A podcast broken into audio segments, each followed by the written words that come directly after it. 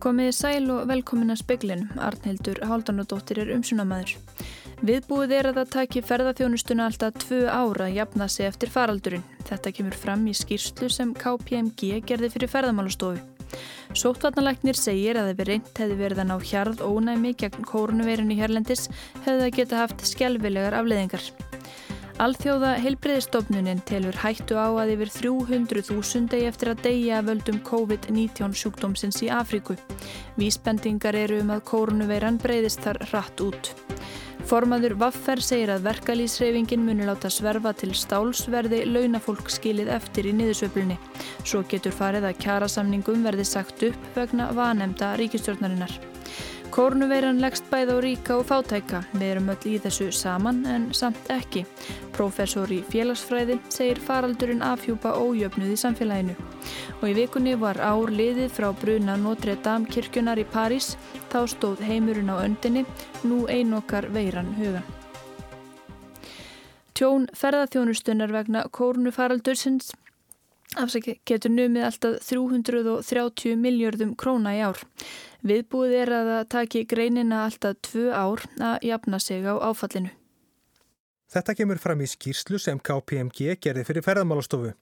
Í skýslunu eru settar upp þrjár sviðsmyndir en nú þegar er viðbúið að svo svart sínast að verða veruleika. Hún gerir ráð fyrir 69% samdrætti í komi ferðamanna og að gældiristekjur á árunnu lækki um 330 miljardar króna. Til samaburðar eru gældiristekjur af sjávarútvegi 260 miljardar. Það mun taka greinina langan tíma að jafna sig, segir Skarpíðinberg Steinarsson, ferðamálastjóri. Ferðarþjónustan er þannig að e, hún er ástíðabundin atvinnugrein og hún verður fyrirsjáðanlega í allokku tíma að ná sér. Það má gera ráð fyrir að taki að minnskust 12 mánuði og jafnveg 24 mánuði. Í skýslunni segir að fjölmörg fyrirtæki sé á leiði gjörgjæslu. Aðgerir stjórnvalda eigi þess vegna að bæta uppsapnað fjárragslegt tjón þeirra fyrirtækja sem voru talið lífanleg fyrir afleggingar heimsvaraldusins. Þeim þurfa að tryggja tafalösan aðgang á fjármagni. Ferðarþjónustan mun, mun ná sér og hún mun ná sér á, á stryk. Það er spurning hversu langa tíma það tekur og hvernig hún lítur út þegar að því kemur. Við verðum að gæta þess að þegar að ferðarmið fara að koma aftur hingað þá sé svo þjónusta sem þeir eru að sækjast eftir. Saði Skarpiðinberg Steinarsson, Magnús Geir Eyjólfsson rætti við hann. Einn lést á landsbytalanum í gæra völdum COVID-19. Nýju hafa látist úr sjúkdómnum hér á landi, átta Íslandingar og einn ferðamæður frá Ástralju. 15 ný COVID-19 tilfelli voru greint í gær, tæpur helmingur smittara var í sóttkvífi greiningu. Alls hafa nú 1754 tilfelli verið staðfest en af þeim hafa 1224 náð bata eða næri 70%. Helsta áhyggjuefni Víðis Reynissonar yfirlauruglu þjóns Þóróls Guðnasonar sótatanlæknis og Ölmu Möller landlæknis er hvað gerist þegar byrjað verður að slaka á samkomiðbanni þann fjóruða mæ. Svo hætta er fyrir hendi að það þurfi að byrja allar aðgerðir frá grunni á ný. Sóttvarnalæknir segir að ef reynd hefði verið að ná hjarð ónæmi gegn kórnuverinu hérlendis hefði það geta haft skjálfilegar afleðingar. Om vi fortsätter på det här viset, det är ju det som våra modellerare säger, fortsätter vi på det viset som vi gör då med de inskränkningar vi har gjort på... Anders Tegnell, sóttvarnarleiknir Svíþjóðar sagðist í viðtali við norska ríkisútarpið telja að hjarð ónami verði náð þar eða í það minnsta á höfuborgarsvæðinu í næsta mánuði. Hér á landi var farin allt önnur leiðin í Svíþjóð og brugðist við faraldrinu með því að greina smitt og beita sótkví og einangrunn. Þórólfur Guðnason sótvarnarleiknir segist ekki vilja leggja mat á aðgerðir sænska sótvarnarleiknisins. Varðandi hvort að menn ná í hjarð ónæminu þá um, er það nokkuð ljóst að ef, að ef að 60% af þjóðinu þarf að síkjast þá uh, og við erum að tala um að að um það byrj kannski 1-5% af þjóðinni hér hafi síkst á held ég að allir sjáu hva, hvað hefði gerst hér ef við höfum 60 faldað faraldurinn sem hefði verið hér núna að það hefði orðið skjálfilegt ástand eins og ég held raunar að, að, að sé á mörgum stöðum það sem að, það sem að tala næri ekki einsinni 60%. Segir Þórólfur Guðnarsson, Alma Ómarsdóttir tók saman. Hætta er á að COVID-19 farsóttin ney eftir að verða alltaf 300.000 manns að bana í Afríku að mati alþjóða heilbriðismálastofnunarinnar. Kórnuveran er farin að breyðast þar út, engum í borgum. Sankvamt upplýsingum alþjóða helbriðistofnunarinnar hefur koronaveiran breyðist hratt út í álfunni síðustu daga. Þar eru þó einungis innan við 19.000 staðfæst tilfelli og hátt í 1.000 döðsföll. En sérfræðingarstofnunarinnar sem metið hafa ástand og horfur óttast að að minnstakosti 300.000 eigi eftir að deyja ef allt fer á versta veg. Þá blasi fátækt við hátt í 30 miljónum. Matsidisos Moeti, yfirmaður alþjóða helbriðstofnunarinnar í Afríku, segir að koronaviran berist frá stórborgum í Suður Afríku, Níkeríu, Fílabeinströndinni, Kamerún og Ghana út á landsbyðina. Veirunar hafi enn ekki orðið vart í 15 ríkjum. Verði landamærum þeirra lokað kunni þau að sleppa. Yfirmaður efnahags aðstóðar saminuðu þjóðana í Afríku, UNECA, sagði í dag að þörf væri á 100 miljörðum dollara sem eins konar öryggisneti fyrir álfuna. Þar á meðal þurfum við að fella niður skuldir verst settur ríkjana. Stóreika þurfum við skeimun fyrir veirunni. Sem dæmi er tekið að í Níkerju þar sem búa um 200 miljónir hafi 442 tilfelli verið greint og 13 dáið úr COVID-19. Skýringin sé svo að þær hafi sárafáð síni verið tekinn. Áskir Tómasson saði frá. Þrjú félög innan BHM feldu nýgerða kjærasamninga í atkvæðagreðslu sem lauk í dag. Sjö félög samþyktu samningin. Rafrætni atkvæðagreðslu um nýgerða kjærasamninga félagana tíu lauk í dag. Þau félag sem feldu voru félag geislafræðinga, félag íslenskra náttúrufræðinga og félag lífendafræðinga. Samtals hafa nú 17 BHM félög samið við ríkið en ósamið er við fjögur. Samninganemdir félags framhaldsskólakennara og félags stjórnenda í framhaldsskólum annars vegar og ríkisins hins vegar undirrituðu nýjan kjærasamning í dag. Nýji samningurinn gildir frá 1. april í fyrra til loka þessa árs. Atvinnuleysi í mars mælist 9,2% og hefur staðan á vinnumarkaði gjör breyst frá lokum februarmánaðar þegar það mæltist 5% vegna þeirra takmarkana sem settar voru á með samkomi banni vegna kórunverunar. Þetta kemur fram í tilkynningu frá vinnumálastofnun sem segir fyrirtæki tengt flugsamgöngum og ferðaþjónustu hafa orðið verst úti. Hæsta hlutfall atvinnuleysra var á Suðunesjum 14,1%. Eigendur meiri hluta jarðarinnar Drángavíkur hafa höfðað mál gegn eigendum jarðana Engjanes og Ófegsfjörðar. Þeir vilja fá úr því skorið fyrir dómi hvar mörg jarðana liggja. Niðurstaða dómsmálsins getur haft áhrif á fyrirhugað kvalárverkjun. Áformum kvalárverkjun byggjast að hlut á því að eyvindar fjara vat sé að hálfu á landi Engjanes hvers eigandi stýður virkjun. Meiru hlut eigenda Drángavíkur segir hins var að vatnið og eyvindafjörðar ásjá sínu landi og það er að mynda uppistöðulón. Þeir vilja komið vekk fyrir virkun. Deilendur miða báðir við landamerkjabrið frá 1890 en deilum tólkun þess. Hérastómur Vestfjara vísaði máli meiri hluta landeigenda Drangavíkur gegn vesturverki og árnesreppi frá dómi í januar.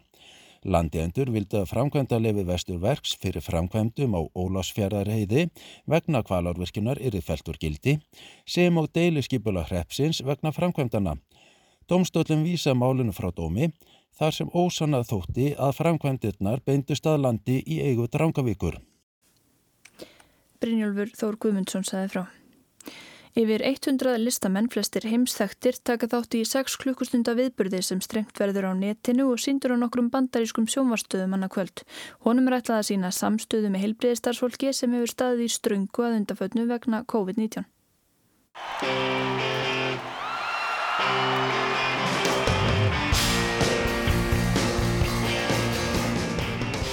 Útsendingin hefst raunar ekki fyrir ná miðnætti að íslenskum tíma. Meðal þeirra sem koma fram á nefna hljómsveitinaði Rolling Stones, söngkonurnar Billie Eilish, Taylor Swift og Celine Dion og þá Paul McCartney, Elton John og Stevie Wonder. Einnig leggja leikarin Samuel Jackson og knossbyrnu konan Megan Rapinoe útsendingunni lið á samt fjölda annara. Samtökinn Global Citizen og Alþjóðu helbriðustofnunin standa að viðburðunum á samt popstjórnunni Lady Gaga. Hugh Evans, stopnandi og stjórnandi Global Citizen segir að þessir síndarveruleika tónleikar eigi að verða tákn um samhældni heimsbyðarinnar í baróttunni við COVID-19 farsóttina. Hann eigi einnig að verða kvartning þjóðarleitugum og öllum sem leggja mannúarmálum lið til að styrkja allþjóða helbriðustofnunina fjárhagslega. Global Citizen hafa tegar sapnað 35 miljónum dollara til styrtar stofnuninni. Áskir Tómasson saði frá.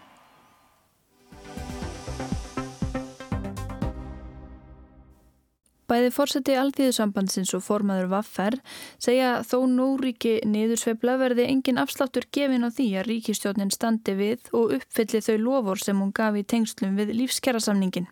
Svo getur farið að samningum verði sagt upp vegna vanemda ríkistjórnarinnar. Formaður Vaffer segir að verkalýsreifingin muni láta sverfa til stáls ef launafólk verði skilið eftir eins og gerðist í runinu. Þegar félagin á almenna vinnumarkaðunum skrifu undir lífsgerðarsamlingin 1. april í fyrra sá enginn fyrir þá stöðu sem nú er uppi. Í samlingnum er til dæmis gert ráð fyrir hávastrauka sem getur eða gæti skila launahækunum. Ekkert verður að þeim að sinni. Í samlingnum er ákveðin forsöndu ákveði sem á að meta í september í haust hvort hafi staðist. Forsendur samlingsins eru í fyrsta lægi að kaupmáttur hafi aukist, í öðru lægi að vextir hafi lækkað verulegan og í þriða lægi að ríkistjónin standi við þau lofurð sem hún gaf í tengslu við samlingin. Staða er svo að ríkistjónin á enn nokkuð í land að hafa uppfyllt lofurð sín. Nú gæti stemti að samlingum verði sagt upp vegna þess, en er það fórsvaranlegt í ljósi stöðunar sem nú ríkir. Já, við setjum ákveðnar forsendur í okkar samninga og, og e, mitt mat er það að ef að þær forsendur er ekki til staðar eða halda ekki, þá höfum við einfall ekki umbúð til þess að halda þeim áfram, öðru sem að setja það annarkort í dóm okkar félagsmanna eða hreinlega segja þeim upp. Segir Ragnar Þór Ingólfsson formar var ferr, drífa Snædal fórsita ASI bendir á að áður en ástandið versnaði vegna COVID hafi verið ljóst að ímsar tímasetningar á lofurum ríkistjórnurar höfðu ekki staðið Ljóst hafi verið að það yrði meti í september hvort samningar stæðust eða ekki.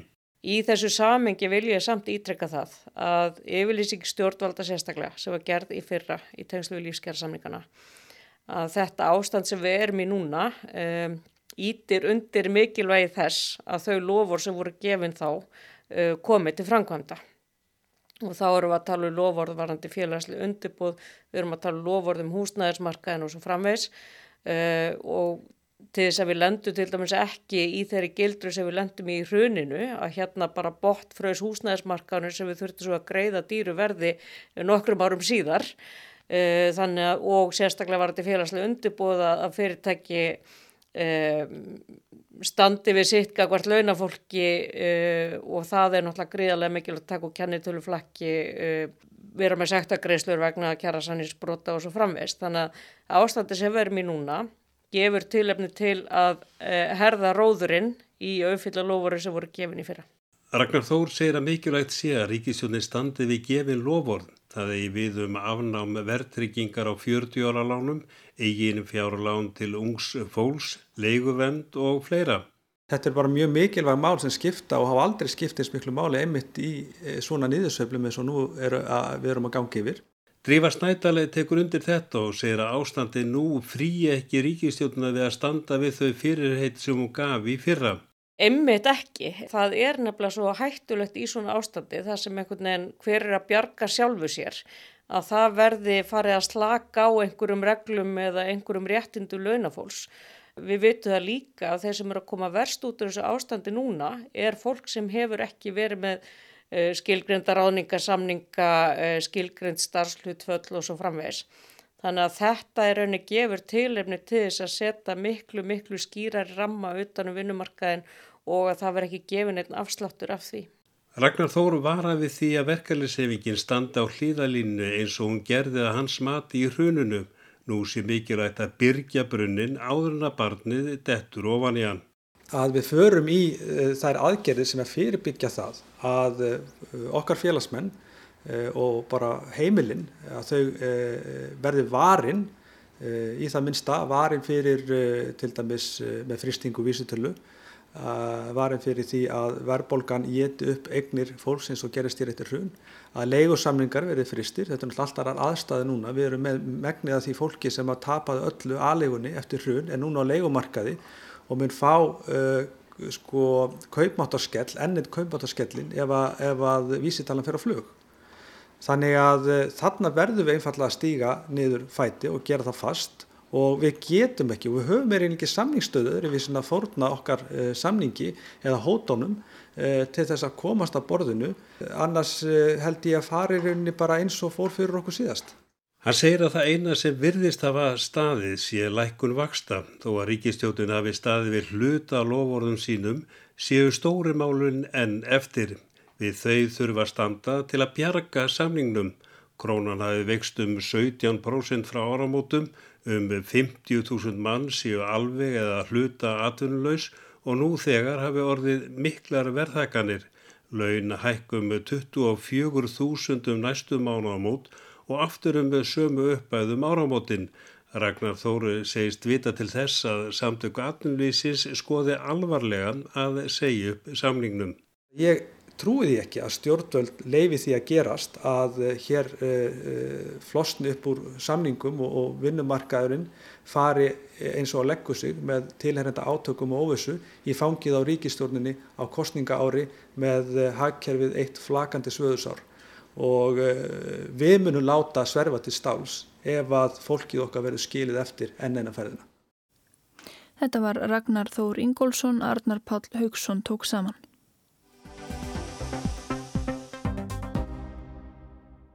Koronaveiran leggst bæði á ríka og fátæka. Boris Johnson lág á gjörgeslu. Við erum öll í þessu saman en samt ekki.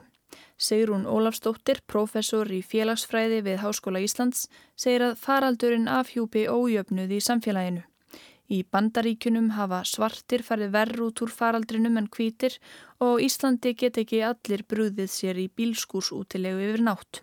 Allir getur þið veikir að því leiti getur veiran stölaðað jöfnuði en þegar allt kemur til alls Tilur Sigrún að veiran eigi eftir að hafa mun verri áhrif á þá hópa sem standa höllum fæti, efnagslega, njóta minni virðingar í samfélaginu, eru með minni mentun eða lakara tengslanett. Helbreyðsmágin, hún hefur áhrif á öll, en líkurnar á að við verðum fórnalöfum og hvað gerist fyrir okkur, óhætti hvort við fáum veirun eða ekki, verður ekki jæmt. Þannig að enda svarið held ég að verða alltaf við munum sjá að þetta með stuðlað ójöfnuði, sennilega aukan Hún segir þetta samræmast niðurstöðum rannsókna á sviði félagsvísinda síðustu áratugi. Sigrun segir að hér á Íslandi hafi heilbriðiskerfið sannað sig. Faraldurinn síni kannski fram á mikilvægi þess að hafa stert og pimbert kerfi sem allir hafa aðgang að. Hér komist allir í COVID-próf óháð etnahag en í bandaríkunum sé staðan allt önnur. Donald Trump bandaríkjafórseti haldi fram í fjölmiðlum að það fá allir próf sem vilji en það sé fjarrri sanni. Þar erum við að sjá veruleika eins og til dæmis að þeir ríkari eru að kaupa sig fram fyrir línuna. Við sjáum til dæmis að það er fársjúkt fólk þar sem að það er ekki próf og meðan það er búið að prófa alla NBA körubóltadildina. Hér sé landsbytalinn með ákveði kerfi, það séu einkenni, áhætta og tengsl við smitaða sem ráði því hvort einhver fær próf ekki fjárhagslega staða og enga fyrirtækið Íslensk erðagreining sé líka með kerfi sem að byggir á jöfniði. Hún segir stöðuna í bandaríkunum ríkasta samfélagi heims hörmulega og það skrifist á fórsetan Donald Trump en líka það hvað grunnstóðir samfélagsins séu veikar og ójöfnuðurinn mikill, bæði þegar að kemur að efnahag og kynþætti. Hlutfalslega hefur faraldurinn haft mun alvarlegri afleðingar meðal svartra en kvítra. Mér er svolítið svona lýsandi sem að vinnur minn sem er félagsfræðingur og heitir Reykján Rey sagði að við höfum hingað til verið í þeim aðstæðum að þegar Amerika fær kvef þá fá svartir flensuna en núna 2020 þegar við erum með COVID-19 þá fær Amerika COVID-19 en svart fólk deyr. Segrún segir að góðsögnin um að allir séu jafnir á Íslandi lifi góðu lífi, að við séum stjættlaust samfélag. Hún segir að menningarlega sé kannski ekki mikill munur millir hópa hér, allir heilsist með fornafni og ráðamenn jafnvel í símaskroni, en efnaðarslega hafi í gegnum aldirnar ríkt ójöfnuður á Íslandi. Einhverjir haft það mjög gott á meðan aðrir skrimti. Þetta eigi ekki síður við núna á tímum kórnveru faraldus. En það sko, nú förum við í stuð beina leiðistuð. Seirun segir fallegt að horfa á Íslandst samfélag þessa dagana. Fólk hafið það hugulegt heima. Við erum ekki að horfa á Helga Björnsónlega þetta skundum og við erum að panta okkur mat frá veitingastöðum sem að bara yfir nóttu eru búin að breyta yfir í að geta sendt heim frekar en nú farið ánga að borða og við erum að vinna heima. En spurningin verður alltaf, hverjir er í aðstöðu til þess að geta gert nákvæmlega þetta? Við erum ekkit öll í vinnu þar sem við getum unni heima. Við erum ekkert í öll í vinnu sem endilega er örug þegar verður svona faraldur. Við erum með suma sem að hafa til dæmis verulegar áhyggjur af því að missa vinnuna. Við erum með fólk sem er búið að missa vinnuna. Við erum með fólk sem er búið að minka starfsluðsar hjá. Á meðan aðrir er bara tiltöla öryggir í að já, þetta mér ekki hafa hamnig séð áhrif á meitt lífsviðurvegi. Þannig að kreppar sem við búist við í kjölfan þessa mun auðvitað hafa áhrif á alla en hún mun hafa meira áhrif á suma heldur en aðra. Segur hún nefnir til dæmis innflytjandur þeir hafi sumir lítið tengslanett hér á landi, hafi áhyggjur af ættingum sínum úti og sé oft fyrstir til að missa vinnuna þegar þrengir allt. Ef leifin gjör mér orðin blessu stofan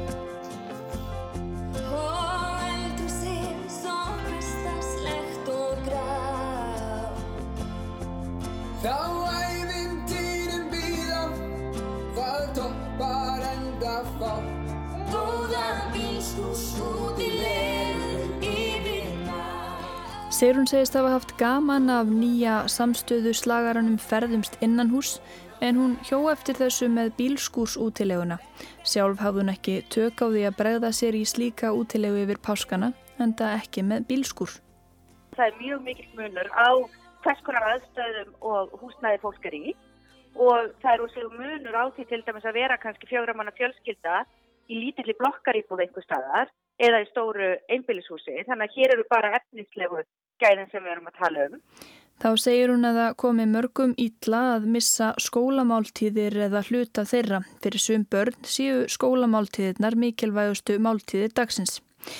Hún segir líka misjamt hversu mikið foreldrar geti veitt börnum sínum, hversu mikið þeir geta verið heima með þeim, hvort þeir geti skipulagt stundatöflu eða hafi næga þekkingu til að aðstóða börnin við námið. Þetta sé dæmi um menningarlegan stjættamun. Ragnar Þór Pétursson, formaður Kennarasambands Íslands, saði gæra skert starfsemi skóla hefði þegar skadað sum börn og ungmenni. Það er ástæða til að hafa sérstaklega áhyggjur af þeim nefnundu sem standa höllum fæti. Það sem að gæti gerst núna og mun gerast ef við tökum það ekki alvarlega og mætum því er að ójöfnuður mun aukast. Aðstöðu munu batna gríðalega mikil, ekki bara á milli skóla, heldur eftir því hvað þeim séu heima.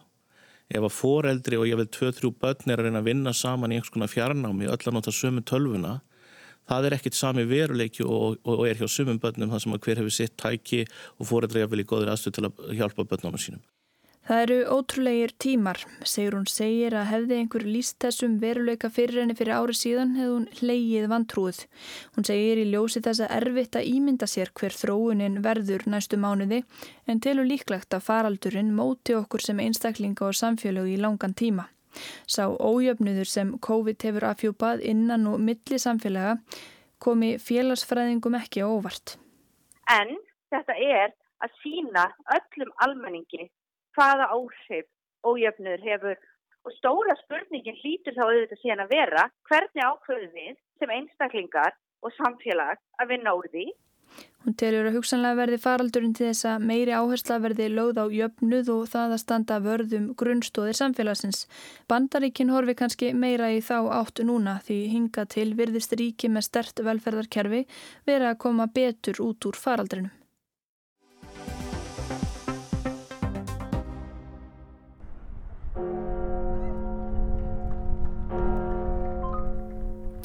Það er enn ekki komið ramagn á Notre Dame domkirkjun í París og því þarf krafta til að ringja kirkjuklukkunni sem er svo næst stærsta í Fraklandi. Á miðvíkudag þegar ár var liðið frá því domkirkjan fræga stór skemmtist í eldsvoða gekk ringjari klættur heilgala og með grímu upp í turnin. Hann tógaði af afli í reypið sem bundið er við þungan kólvin og fljótlega ómaði klukkuna hljómurinn um Parísarborg. Klukkunni var ringt til að heidra heilbriðistarsmenn sem sinna sjúklingum með COVID-19 og samtímis klappaði fólk á bökkum signu. Miljónir manna um allan heim fylgdust þann 15. apríl 2019 með fréttum af eldsvoðanum. Sáu logana rýfa í sig þakk kirkjunar, turtspýrunar rinja og gulgráan reykjarmökk stíga til heimins. Nú eru götur Parísar tómlegar, túristatnir sem í fyrra tóku myndir af brennandi kirkjunni á snjálfsímanna sína eru viðs fjarrri. Það gildir útgöngu bann. En sér ekki fyrir endan á faraldrinum í Fraklandi. Hann hefur kostað yfir 17.000 mannslíf. Aðteglinn beinist nú annað að mannlegum harmleik sem er gjur ólíkur brunanum þar sem enginn lést. Il est près de 20 heures ce lundi 15 avril. La flèche de 93 mètres de haut, ses 250 tonnes de plomb et ses pierres millénaires s'effondrent comme une brindille. 15. apríl árið 2019 er þó ekki glemtur. Sýrenur vældu og slökkulismenn reynda veikum mætti að ráða við logana. Eldurinn kviknaði sítiðis en glæðurnar kulnuð ekki fyrir en morgunin eftir. Það tókst að bjarga steindum gluggum, nokkrum stittum og þyrnikórunu en mörg menningarvermæti glötuðust. Margir voru í uppnámi og hérlendis keftist fólk við að byrta myndir af sér fyrir utan kirkjuna og segja frá minningum sínum þaðan. Þessi forna kirkja átti staði hjarta fjölmarkra um allan heim. Emmanuel Macron fórseti Fraklands hétti strax að kirkjan skildi endur byggð fallegra en nokkur sinni og það á einungjus fimm árum. Margir voru tilbúinir að leggja frökkum lið, fólk og fyrirtækja allstaðar að lofuðu fjármagni til verksins. Og nóg hefur skilað sér, endur bæturnar strand ekki á því. Viðbröðin við brunanum vöktu umræður um hvers vegna ekki væri tekið jafn hart á öðrum vandamálum, tekju, ójöfnuði, loftslagsbreytingum, já og nú eru læknar sem að benda á að heilbriðiskerfinu veitt ekki af álíka sumum, spítalatnir brenni. Makrón flutti á miðvöggudag stutt ávarpi til efni því að ár var liðið frá brunanum. Hann sagði að í dag einokaði kórunuveiran hugsanir fólks en þakkaði þeim sem fyrir ári unnu við að bjarga kirkjunni og þeim sem í dag vinna við að gera hana upp. Við höfum engu glemt, sagðan, hvorki hugur ekki ykkar nýja gæsku. Ni l'héroïque élan de courage qui a sauvé la cathédrale des flammes, ni la formidable vague de générosité qui s'est levée dans les heures et les jours qui ont suivi. Tilstóð að minnast þessara tímamóta með öðrum hætti. Forsetin hafði bóði starfsmönnum sem að koma hreinsun og viðgerðum til heiðurs samkomu í Elísehöll þar sem hann er með aðsettur. Kór kirkjunar ótt að koma fram ofinberlega og í ráðhúsinu ótt að sína söngleikum frúar kirkjuna. COVID settu auðvitað streki í reikningin, öllu var aflýst.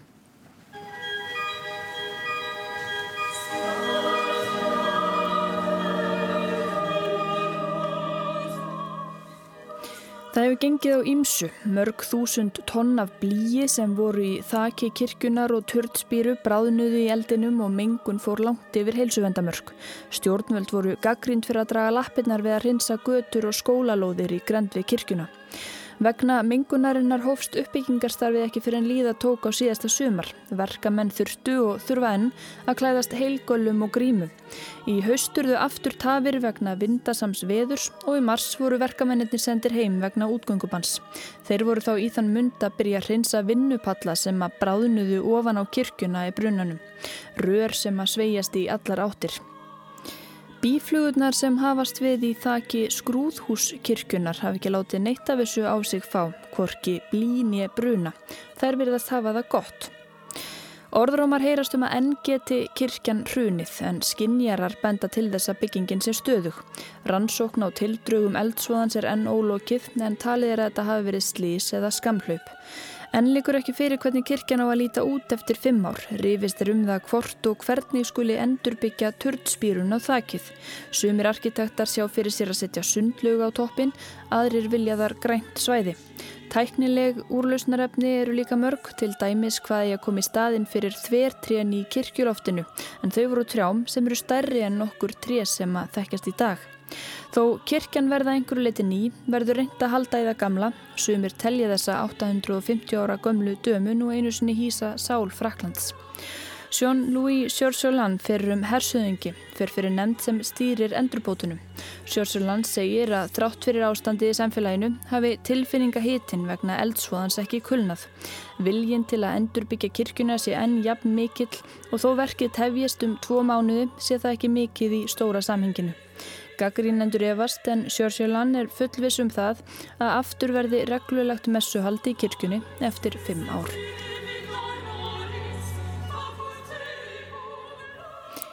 Og veðurhorfur sunnanátt við á bylnu 10 til 18 metrar á sekundu en kvassara á stökustadi vinstrengjum. Súld með köplum en regning á morgun, þurft og bjart norðaustan til á landinu, hiti 6 til 13 stig, hlýjast austanlands. Snýst í norðan 3 til 8 á norðvestaverðu landinu senda morgun með slittu eða snjókomu og kólnar á þeim slóðum.